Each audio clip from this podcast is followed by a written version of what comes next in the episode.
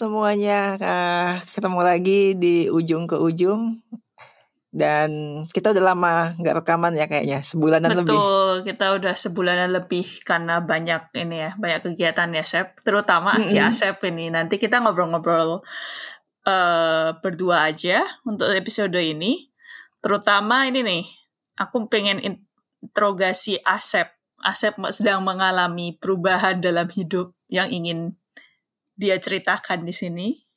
Masih ada hubungannya dengan software engineering kerjaan sebagai programmer, uh, kayak bisa langsung aja deh, Sep, apa yang terjadi beberapa bulan ini. Uh, Oke, okay. ya jadi kita tuh nggak udah lama nggak rekaman karena aku juga lagi sibuk uh, tiga bulan terakhir lah lagi sibuk mm -hmm. karena dapat kerjaan baru kan. Jadi ceritanya aku kerja full oh. kerja full time lagi sekarang. Mm -hmm kerja full time. Nah, tapi gimana Sep? Di perusahaan satu startup di Estonia. Gitu. Dan selama tiga okay. bulan terakhir remote working, terus akhirnya sekarang relokasi ke Estonia. Dan ini adalah episode pertama kita rekaman di luar Indonesia. bisa dikasih drum roll gak? Oke. Okay. Ya. Yeah. Jadi session uh, apa namanya? Uh, session 2 di episode pertama ini aku rekaman di Turki sambil menunggu visa Estonia dan mm -hmm. dan ya menunggu dua minggu lah sekitar dua minggu di sini. Oke, okay. ya itu. Jadi sobat rekamanku ini lagi sedang mengalami sedang relokasi jadi sibuk banget. uh, Oke okay deh. Tapi topik relokasi sama kerja di luar negeri nih kayaknya topik yang menarik nih saya dibahas. Mm -hmm. uh, pertama-tama diceritain dulu dong kerjaannya ngapain? Apa bedanya sama kerja di Indonesia? Apa lebih susah apa kayak diperbudak gitu apa gimana nggak tahu oh deh. gitu oke okay. jadi kerjaanku uh, sebagai software engineer dan ini juga bukan level head atau level lead gitu seperti biasanya aku kalau dapat kerjaan di Indonesia atau bekerja di startup mm -hmm. sendiri ini level kroco tapi kroconya kroco mid lah level senior lah Iya. yeah.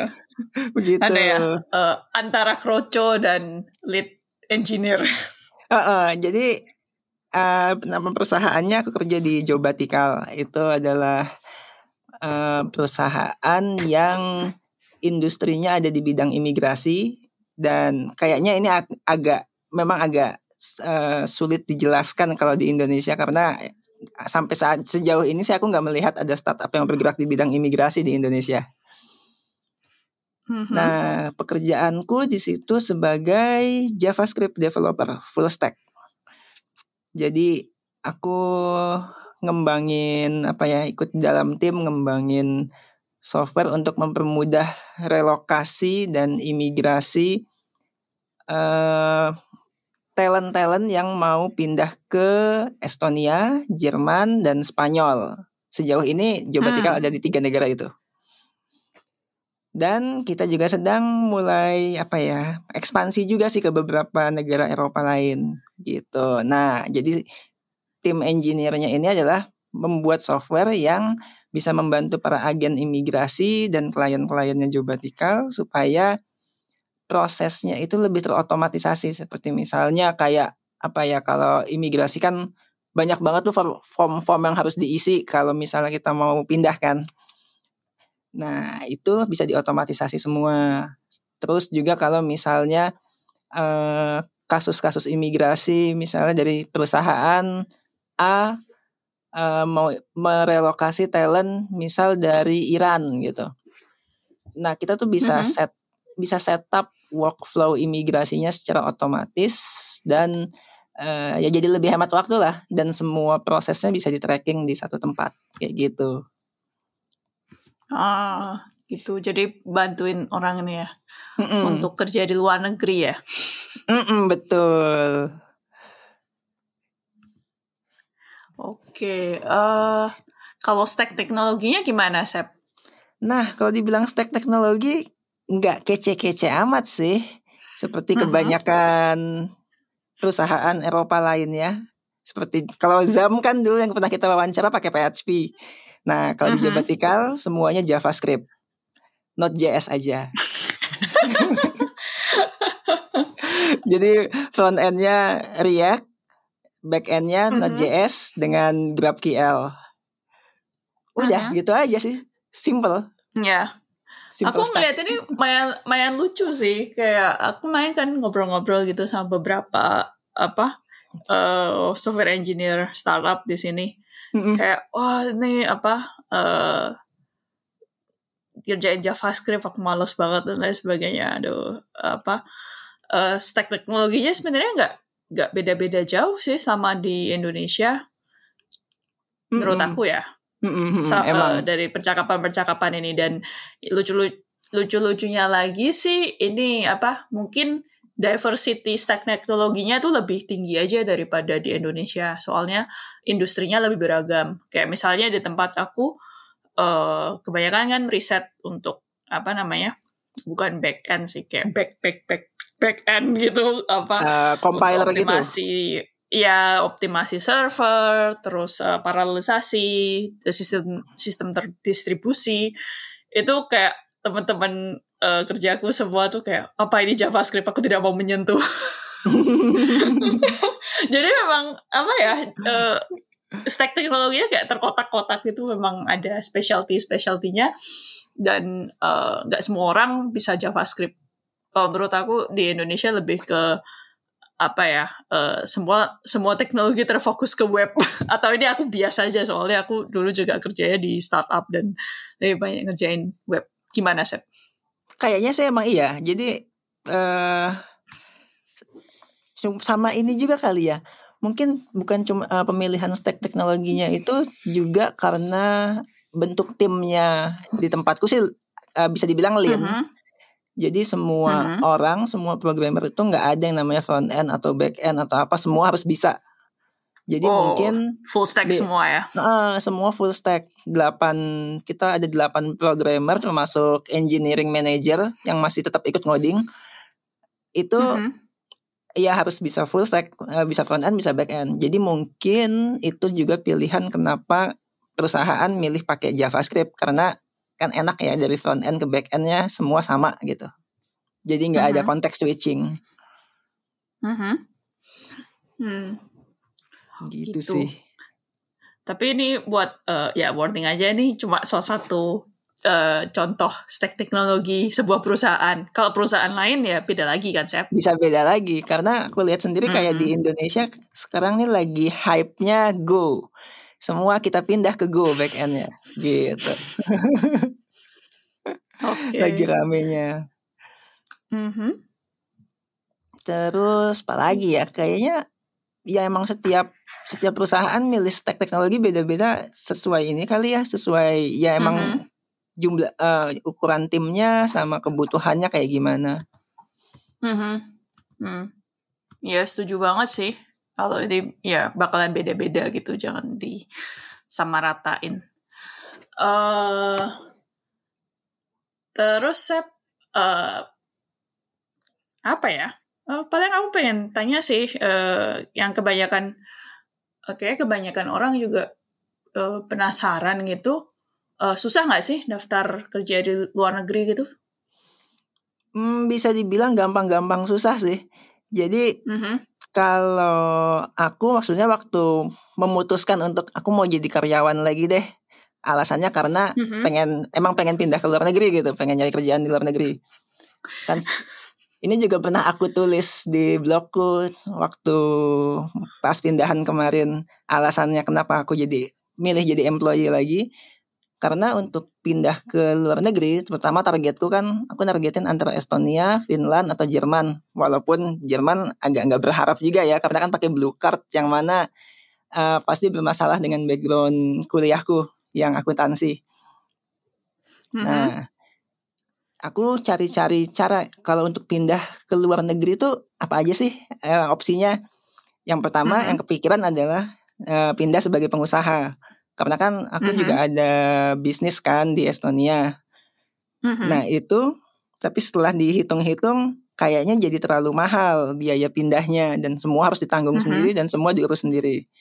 Oke, jadi Mhm. opsi kedua adalah eh, pindah dengan cara sekolah lagi, misalnya ngambil S2 gitu. Nah, Mhm. tapi masalahnya ngambil S2 itu kan juga eh, persia- harus ada persiapan yang matang ya, kayak harus belajar lagi buat tes-tesnya, Mhm. terus juga harus keluar duit buat tes. Udah gitu, kalau aku sekolah lagi itu nggak aku banget, atau kalau istriku yang sekolah lagi juga, ya itu yang seperti yang aku bilang tadi, ada biaya-biaya yang harus dikeluarkan di awal. Mhm. Nah, jadi Oh. opsi yang paling masuk akal adalah harus aku harus menemukan eh, perusahaan yang mau mensponsori untuk pindah gitu. Mhm. Nah, Eh, masalah beda kayak background akuntansi ini gimana, Sep? Begitu terlalu ini nggak, mamanya ngeberatin nggak ketika mau nyari kerja di luar negeri ini? memberatkan untuk negara-negara yang memang wajib eh, apa ya kayak harus sama antara kerjaan dengan backgroundnya. Mhm. Kayak dulu 2011 aku sempat kerja di perusahaan Singapura kan dan itu Mhm. nggak bisa pindah ke sana juga karena masalah itu. Masalahnya Hmm. adalah backgroundku akuntansi dan Singapura wajib kayak harus sama gitu loh.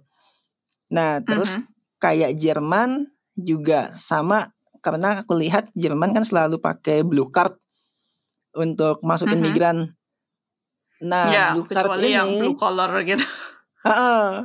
Nah, blue card ini yang aku baca-baca adalah memang harus sesuai antara pekerjaan dengan eh, kuliahnya. Jadi emang aku aku banyak sih masukin lowong apa lamaran ke Jerman, tapi juga nggak berharap pasti diterima karena kayak nggak ada ini juga sih kayak nggak apa namanya eh chance Mhm. kecil banget. Sedangkan Estonia atau Finland itu jarang atau bahkan nggak pernah pakai blue card buat masukin migran. Nah, jadi Mhm. aku ada chance di situ. Nah, tapi kalau misalnya bilang kayak gitu, apa ber- bisa disimpulkan kalau masuk ke Estonia ini lebih gampang? Bisa dibilang iya. Kalau menurutku bisa dibilang Mhm. iya lebih gampang. Karena eh satu Estonia sendiri kalau aku baca-baca mereka brain drain juga. Sekarang Mhm. banyak tenaga IT-nya kan juga banyak ambil dari luar kan talent-talentnya. Nah, yang kedua Hmm, gitu ya. Estonia nggak pakai blue card buat masukin migran, mereka pakai visa kerja mereka sendiri lokal. Dan itu Mhm. nggak eh, nggak ngelihat background apa background pendidikan, banyak lebih lebih Mhm. ngelihat ke pengalaman kerja di industri. Oke. Jadi harus punya pengalaman yang nggak bisa ucuk-ucuk gitu kayak keluar Mm-mm. eh, Nah. kuliah S1 terus pengen kerja di luar negeri nih. Nah itu Bisa susah sih. Kalau itu menurutku Mhm. agak susah ya karena Mhm. eh, apa apa juga ininya benefitnya untuk sebuah perusahaan di misalnya di Estonia ngedatangin cuma junior dari Indonesia kayak nggak ada gunanya juga kan sedangkan kampus juga banyak di sana Hmm, gitu, gitu ya. kayak di Mhm. perusahaan tempatku kerja sekarang juga aku ngelihat semua talentnya itu kebanyakan sudah punya pengalaman lima tahun kerja ke atas Mhm. kayak aku sendiri kan udah punya pengalaman sekitar 11 tahun di industri Mhm. Jadi ya emang jadi kayak itu sebuah nilai plus gitu loh. Hmm. Nah, aku jadi ada pertanyaan tambahan sih, Sep. Hmm? Senior tuh kayak gimana ya? Yang bisa ya eh setahu aku memang banyakkan relokasi ke semua negara di Eropa tuh eh, pengalaman penting. Tapi Hmm. pengalaman ini apa ya? Kan banyak orang mikir kayak, "Oh, aku se apa namanya? pengalaman 10 tahun jadi database administrator." Mm-mm. Iya. terus kerja aja tiap hari bikin query udah tapi nggak pernah nggak pernah update teknologi sama sekali nggak tahu bagaimana cara kerja kayak untuk eh, di industri itu kayak gimana maksudnya di industri yang lagi ngehits itu kayak gimana. Hmm. itu kan banyak orang mikir apakah ini pengalaman atau apa ini? Ap- gimana menilai ini tuh senior atau enggak? Kalau dari sudut pandangku, misalnya aku sebagai employer senior itu orang yang uh, satu dia oke lah dari pengalaman kerja dari jumlah tahun kerjanya itu yang paling gampang. Tapi yang kedua yang menurutku penting adalah cara cara si senior ini memecahkan problem. Mhm. Dan uh, yang ketiga dia harus bisa kerja tanpa dituntun gitu loh. Jadi udah bisa Mhm. dilepas sendiri. Kayaknya kalau menurutku Hmm. senior tuh seperti itu. Oh, sama yang see. keempat mampu googling mandiri. Gitu ya. Tahu tahu harus googling apa. Jadi emang sih waktu aku wawancara juga pas yang di Job Vertical ini eh stack-stacknya kan JavaScript, Node.js. Yang mana aku sendiri Mhm. sebetulnya eh selama kerja nggak pernah pakai Node.js eh di production. Jadi terakhir kali aku pakai Node.js itu kan waktu kita bikin proyek game bareng so, di Singapura itu tuh. sama kamu deh. Iya, iya, iya, iya, betul. Yang kita Mhm. bikin game bareng buat agency itu. Iya, iya. Mhm. Itu tahun berapa ya? 2017. Kayak 2016 deh. Enggak, enggak, 2016. 2016. Ah, ah. Nah, itu aku bilang Iya, waktu- waktu ke- belum encok. Aku bilang ke interviewernya, ke engineering manajernya kan waktu itu yang interview, aku nggak pernah pakai Mhm. Node.js, tapi aku ngerti JavaScript, pakai React sesekali. Tapi Mhm. eh, maksudnya, eh tapi pengalamanku sebelumnya aku pakai Go, aku pakai Ruby, pakai PHP untuk buat production itu nggak masalah. Dan kalau harus full stack JavaScript, aku pun nggak masalah buat eh, refresh knowledge-nya lagi di situ. Dan ternyata Hmm. memang itu di okein sama dia gitu. Sampai di wawancara Hmm. ke dua, eh wawancara ketiga itu aku disuruh bikin kayak desain database sama apa Mhm. namanya, sama dikasih case gitulah. Dan dari situ eh, harus bisa mem- mem- mempresentasikan kenapa kenapanya gitu loh. Kenapa aku bikin desain Mhm. database seperti ini? Kenapa aku bikin arsitektur seperti ini di case yang dia kasih? Jadi dia nggak peduli sama Mhm. bahasa pemrogramannya, kayak gitu. Jadi I memang see. Sepertinya em, POV ku tentang senior itu juga sejalan di perusahaan ini. Senior itu harus orang yang bisa mecahin masalah dan bisa menjelaskan kenapanya gitu, why. I gitu sih. Menarik. Oke. Dan Apalagi? apa namanya? Kayak eh, lowongan kayak tes-tes pemrograman di luar negeri ini nggak semuanya pakai itu ya? Apa? Apa? eh, tools-tools interview tuh loh yang ngerjain Oh. soal-soal itu. Kayak hack rank kayak gitu. Iya iya iya iya, macam kayak Ah, gitu. Ada sih yang make dan begitu biasanya aku Mhm. kalau udah ketemu yang kayak gituan pasti nggak lolos sih.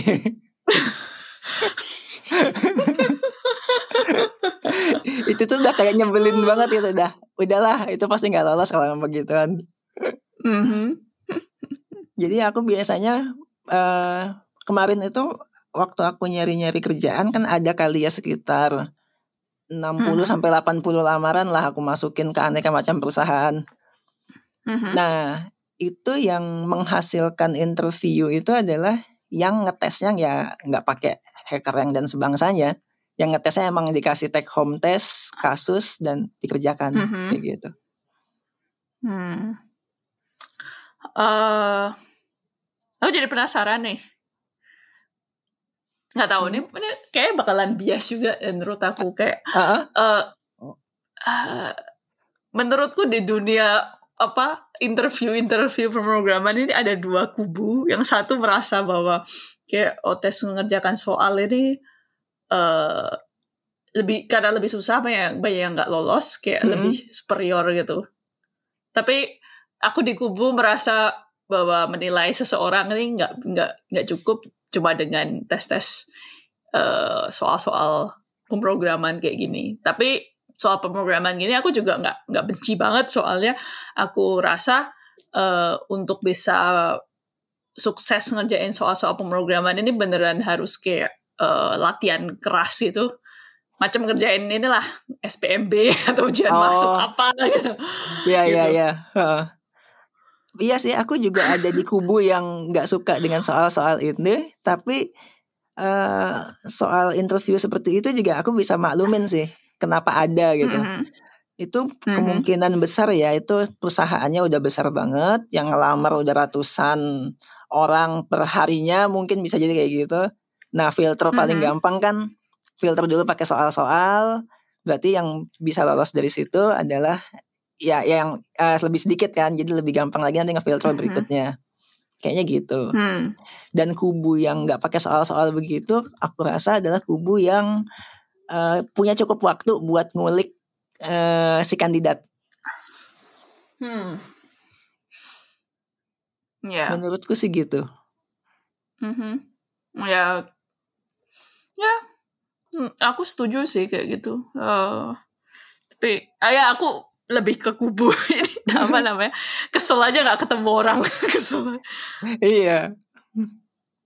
Aku sendiri juga kalau lagi ngebuka lowongan misalnya ngebuka lowongan gitu di perusahaan sendiri ya juga nggak suka sih kalau pakai soal-soal interview apa eh, ya kayak hacker rank dan sebangsanya itu. Mhm. Ya. Oke. Eh, Hmm, apa lagi? eh, apa lagi ya? Oke. Eh, lanjut nih pertanyaannya, Sep. Kenapa mau pindah ke luar negeri? Ada apa ini? Oh, It's like, apakah Indonesia tidak cukup baik untuk dirimu? yang pertama adalah apa ya? Aku merasa karirku agak stuck. Karir dan bisnis stuck di Mhm. Indonesia gitu. Kayak yang Mhm. eh kalau mau sukses atau mau lebih banyak lagi aku harus balik ke Jakarta. Yang mana itu bukan opsi. Aku udah enak banget sama Jakarta. nah, Mhm. yang yang kedua adalah ya pengen menjauh dari hawa-hawa rezim ini. Rezim apa ini? Ya ampun. Oh, ini podcast tidak berhubungan dengan politik. Maaf, kita ignoran untuk hal-hal seperti ini. Ya kita ignoran tapi ya begitulah. itu salah satu alasan buat pindah juga sih. Merasa no hope gitu. Dan mencoba mencari kehidupan yang lebih baik di luar. Oke. Aduh, kesulitan nih lanjutinnya, Chef. Gimana? Iya. Eh, isi isi podcastnya nih apa padahal mau menunj- menumbuhkan harapan di Indonesia kok jadi kayak I mean memang aku nggak mau trashing Indonesia sama Iya sekali. aku juga nggak mau sih. Tapi ya. Ya maksudnya gini kan, kita kan cuma di si di si di sini kan menurut aku ya ini tuh temporary dan untung-untungan. Iya. Memang. Terus sebagai imigran, shit happens. Ke mana lagi coba? ya nggak ada lagi. Nyoba balik lagi. ya, balik lagi kan. Kalau misalnya kalau misalnya trashing Indonesia ada kayak kayak Uh-uh. "Aduh, ini membakar membakar kapal sendiri kok kayak orang goblok. Tapi ya gitulah. Yang namanya mencari kehidupan yang Mhm. lebih baik ya kan kita eh, apa selalu mengusahakan aja lah. Mhm. Gitu. ya aku pikir juga ini eh, dan em, dari aku sendiri selalu beru- berusaha tetap eh, menjaga koneksi dan eh, relevansi Betul. dengan apa yang terjadi di Indonesia sih. Mm-mm. Karena walaupun Gitu. kita ada di luar, mungkin ada opportunity yang bisa menyambungkan apa yang kita dapat di luar dengan apa yang ada di dalam negeri gitu kan. Mhm. Gitu sih. Ya kalau kalau alasanku memang alasan personal banget gitu. Dan aku nggak mau balik ke Jakarta, males aja. I see. Jadi eh, kalau kayak gitu IT di Indonesia ini Jakarta sentris banget ya Sep. Aku Atau rasa gimana? Jakarta sentris banget karena eh, bahkan teman-temanku yang di Bali pun merasa eh, banyak yang kayak mencari kehidupan yang lebih baik itu ya ke Jakarta, pindah dari Bali gitu. Oh. Hmm. Jadi ini ya kalau aku lihat ke eh, Asep juga relokasi kan akhirnya ke HQ-nya Jobatikal. Mm-mm. Terus kalau misalnya startup di Indonesia HQ-nya tentu aja di Jakarta. Iya, Eh, betul. pindah ke HQ ini wajib ya ternyata di dunia yang oh kita semua mungkin akan remote working selamanya ternyata tidak seperti itu. Nah, nah kalau ini bisa aku patahkan sih sebetulnya. Ini juga sebenarnya al alasan personal karena Jobatikal sendiri uh, sebetulnya remote first company yang -huh. mana uh, aku tetap di Bali pun mereka akan tetap menggaji dengan besaran gaji yang sama dengan programmer di Tallinn. Mm-hmm. Kalau kalau dilihat secara duit eh, enak ya kan gaji Tallinn tinggal di Bali itu kita bisa foya-foya kayaknya. Oke. okay. Nah, tapi kan ada hal-hal yang mau dicari selain itu. Kenapa pindah? Mm-hmm. Kenapa aku minta direlokasi? Jadi emang aku mencari peluang untuk apa namanya bisa berbisnis juga terus mm -hmm. opportunity lain karir ke depannya kayak gimana kayak gitu sih mm -hmm. karena waktu interview pun aku bilang aku ada bisnis sendiri di Estonia apakah masih mm -hmm. boleh dilanjutkan atau enggak gitu dan mm -hmm. bahkan si HR-nya bilang kita sih sangat support entrepreneurship uh, aku sendiri uh-huh. sebagai HR-nya gitu si HR-nya bilang aku juga punya startup sendiri di sini jadi nggak ada masalah selama nggak kompet dengan Jobatikal I see gitu menarik nih Sep mm-hmm. Jadi soalnya kalau aku gitu mau nyari ya? duit aku nggak usah relokasi sebetulnya mm-hmm. akan Tapi lebih, lebih punya tabungan lebih ya? banyak mm -hmm. lebih ke pengembangan diri sendiri sama rencana pensiun berikutnya Betul. Jadi keputusannya memang personal semua. Jadi emang ini nggak hmm. bisa ditiru mentah-mentah oleh teman-teman pendengar gitu. gitu. Oh, hmm, ya, aku juga, ya alasanku juga personal sih, kayak. Iya uh, kan? Ke, apa kebacut uh, ya tapi aku aku seru sih maksudnya uh, menurut aku apa iklim riset terutama yang berhubungan dengan ilmu komputer ini apa ya Amerika sentris dan hmm. Eropa Barat sentris kayak gitu. Jadi kalau mau punya dampak yang besar, ya sebenarnya nggak nggak jauh beda dari keputusan aku dulu kayak dari Jogja. Aduh, aku aku suka banget Jogja. Aku tidak mau pindah dari Jogja tapi kalau dihitung-hitung secara rasional ya ya ya aku setuju sih sama kamu tadi saya mm -hmm. uh, apa kerjaan IT di Indonesia ini Jakarta sentris kalau mau berkembang kalau mau apa ya uh, berkembang dalam artian nggak cuma finansial ya soalnya dari yeah. pribadi mau mengasah skill mau apa namanya reach the higher ground uh, aku lihat dulu uh, aku harus pindah ke Jakarta. Mm-mm, betul. Dan ini ya dan aku juga akhirnya dihadapkan dengan keputusan yang sama juga. Kalau aku mau di bidang riset jadi yang paling uh, terdepan kayak gitu, nggak nggak bisa cuma nggak uh, bisa di sembarang negara. Ada beberapa negara yang memberikan keuntungan uh, jauh lebih besar. Kalau aku pengen uh, ada di uh, riset yang berhubungan dengan ilmu komputer yang uh, nomor satu kayak gitu. Mm -mm. Jadi memang apa ya? Memang kayaknya nggak bisa setiap kota, setiap tempat itu kita jadikan uh, tempat untuk apa ya? Membangun IT gitu. Nggak bisa semua di Silicon Valley kan. Karena tetap butuh ekosistem, tetap butuh apa mm -hmm. namanya? uh, dukungan mungkin pemerintah atau dukungan dari apa ya lingkungan sekitar lah kayak gitu. Ya sama seperti yeah. di iya. Bali, kenapa teman-teman programmer juga banyak yang pilih cabut dari Bali? Ya karena itu juga gitu. Mm-hmm. Ekosistemnya tidak mendukung. Gitu. Ah, ini ada pertanyaan yang biasanya uh, paling paling sering kita dengar nih. Kenapa tidak mau membangun negeri dan kota sendiri? Hmm, membangun negeri itu nggak bisa sendirian pastinya. Atau membangun kota nggak ah, bisa iya. sendirian. Aku aku setuju sih. Ah, uh, uh. nggak bisa kan kita tiba-tiba punya cita-cita aku mau membangun negeri terus sendirian gitu be- sedang nggak tanpa ada dukungan dari pihak-pihak mana pun dengan ekosistem nggak mendukung mungkin kayak gitu kan. Uh, ya pilihannya antara kalau nggak bisa membangun negeri ya kenapa nggak uh, membangun diri sendiri dulu aja deh gitu. Mhm. mengembangkan diri sendiri. Jadi misalnya eh ya udah kalau misalnya ngerasa nggak bisa berkembang di negara sendiri ya udah nyoba ke negara lain. Yang mana nanti mungkin siapa tahu bisa berkembang dan kita bisa membagi ilmu juga ke teman-teman atau ke apa namanya ke negeri sendiri kayak gitu. Kan membangun negeri nggak harus dari dalam I disagree, Sep. I disagree, tapi aku kayak ngomong kayak gini juga hipokrit kan.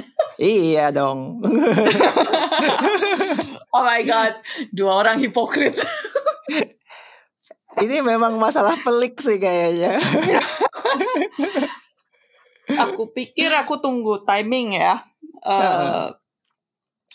eh, aku, eh, aku pikir kalau misalnya eh dulu zaman kayak bikin startup startup kayak gitu kayak pertama kali Tokopedia ada atau Kaskus ada eh, mereka kan berkorban waktu dan harta dan Iya. segala hal buat eh, mewujudkan eh, startup kayak gitu terus eh, pada akhirnya timingnya datang juga kayak Mhm. eh, venture capital eh, tertarik invest ke bidang digital terus eh, Asia Tenggara juga banyak eh, banyak banyak venture capital yang tertarik.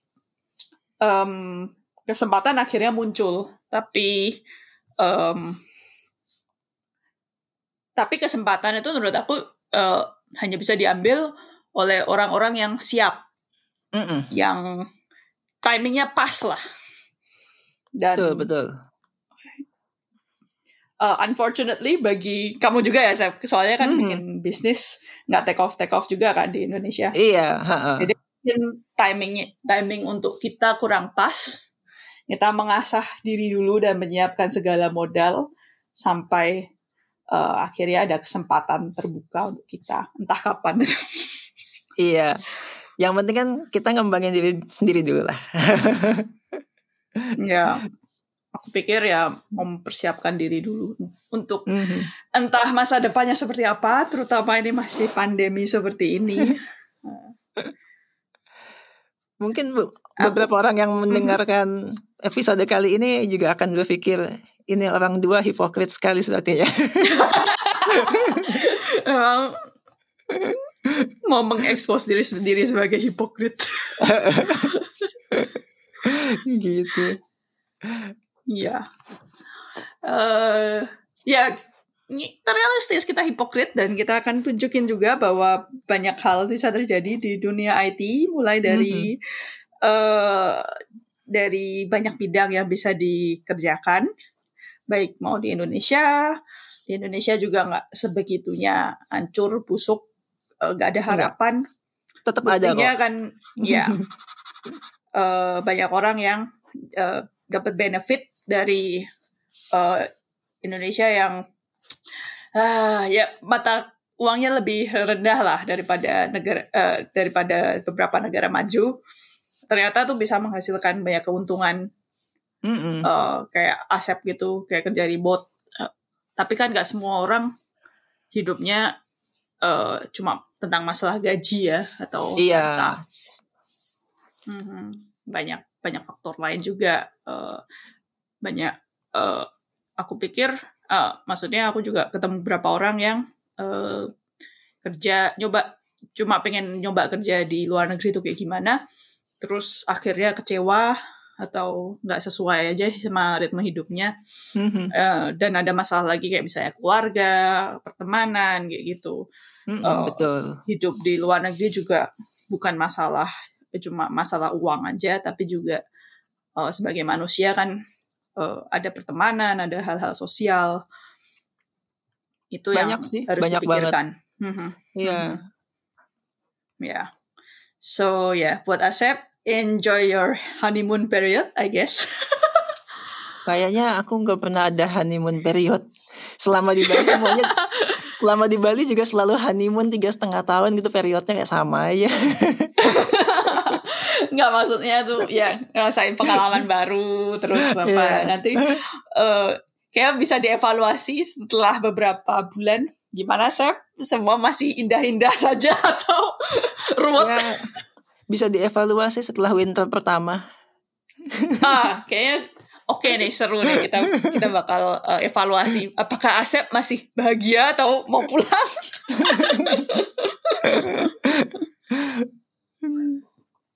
Begitulah. gitu eh kayaknya Apalagi podcast ya? kita udah cukup nih kurang nggak ngobro- ngobrolin apa lagi nih kita udah ngobrolin membangun bangsa membangun bangsa dan menjadi hipokrit Dan kayaknya tidak untuk saat ini.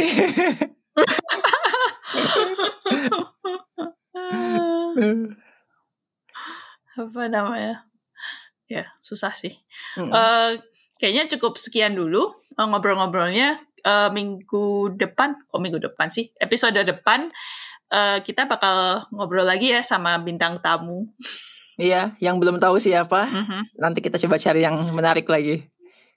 ya kita ada beberapa kandidat sih dari industri-industri yang eh, apa namanya yang terselubung karena kita ujung ke ujung kita nggak mau bahas yang cuma di puncak gunung es saja oh, semua orang mau pergi ke yang apa kuda jingkrak kuda jingkrak kayak gitu Mm-mm. tapi juga eh, banyak kesempatan di Indonesia eh, banyak pekerjaan-pekerjaan bidang IT yang eh, banyak orang tidak tahu ternyata sangat menarik dan menghasilkan dan mungkin lebih sesuai dengan eh, cita-cita dan apa nilai-nilai hidup eh, Mhm. para pendengar. Nggak semua orang nih harus eh, menuju ke satu tempat bekerja di satu perusahaan, bekerja di satu bidang. Gitu. Mm-mm, Karena kan juga ya banyak sih. Ya Mhm. IT luas banget. Mhm. Gitu deh. Oke, eh, kita sudahi dulu ya. Sampai jumpa di podcast kita selanjutnya. Yuk, Bye. bye.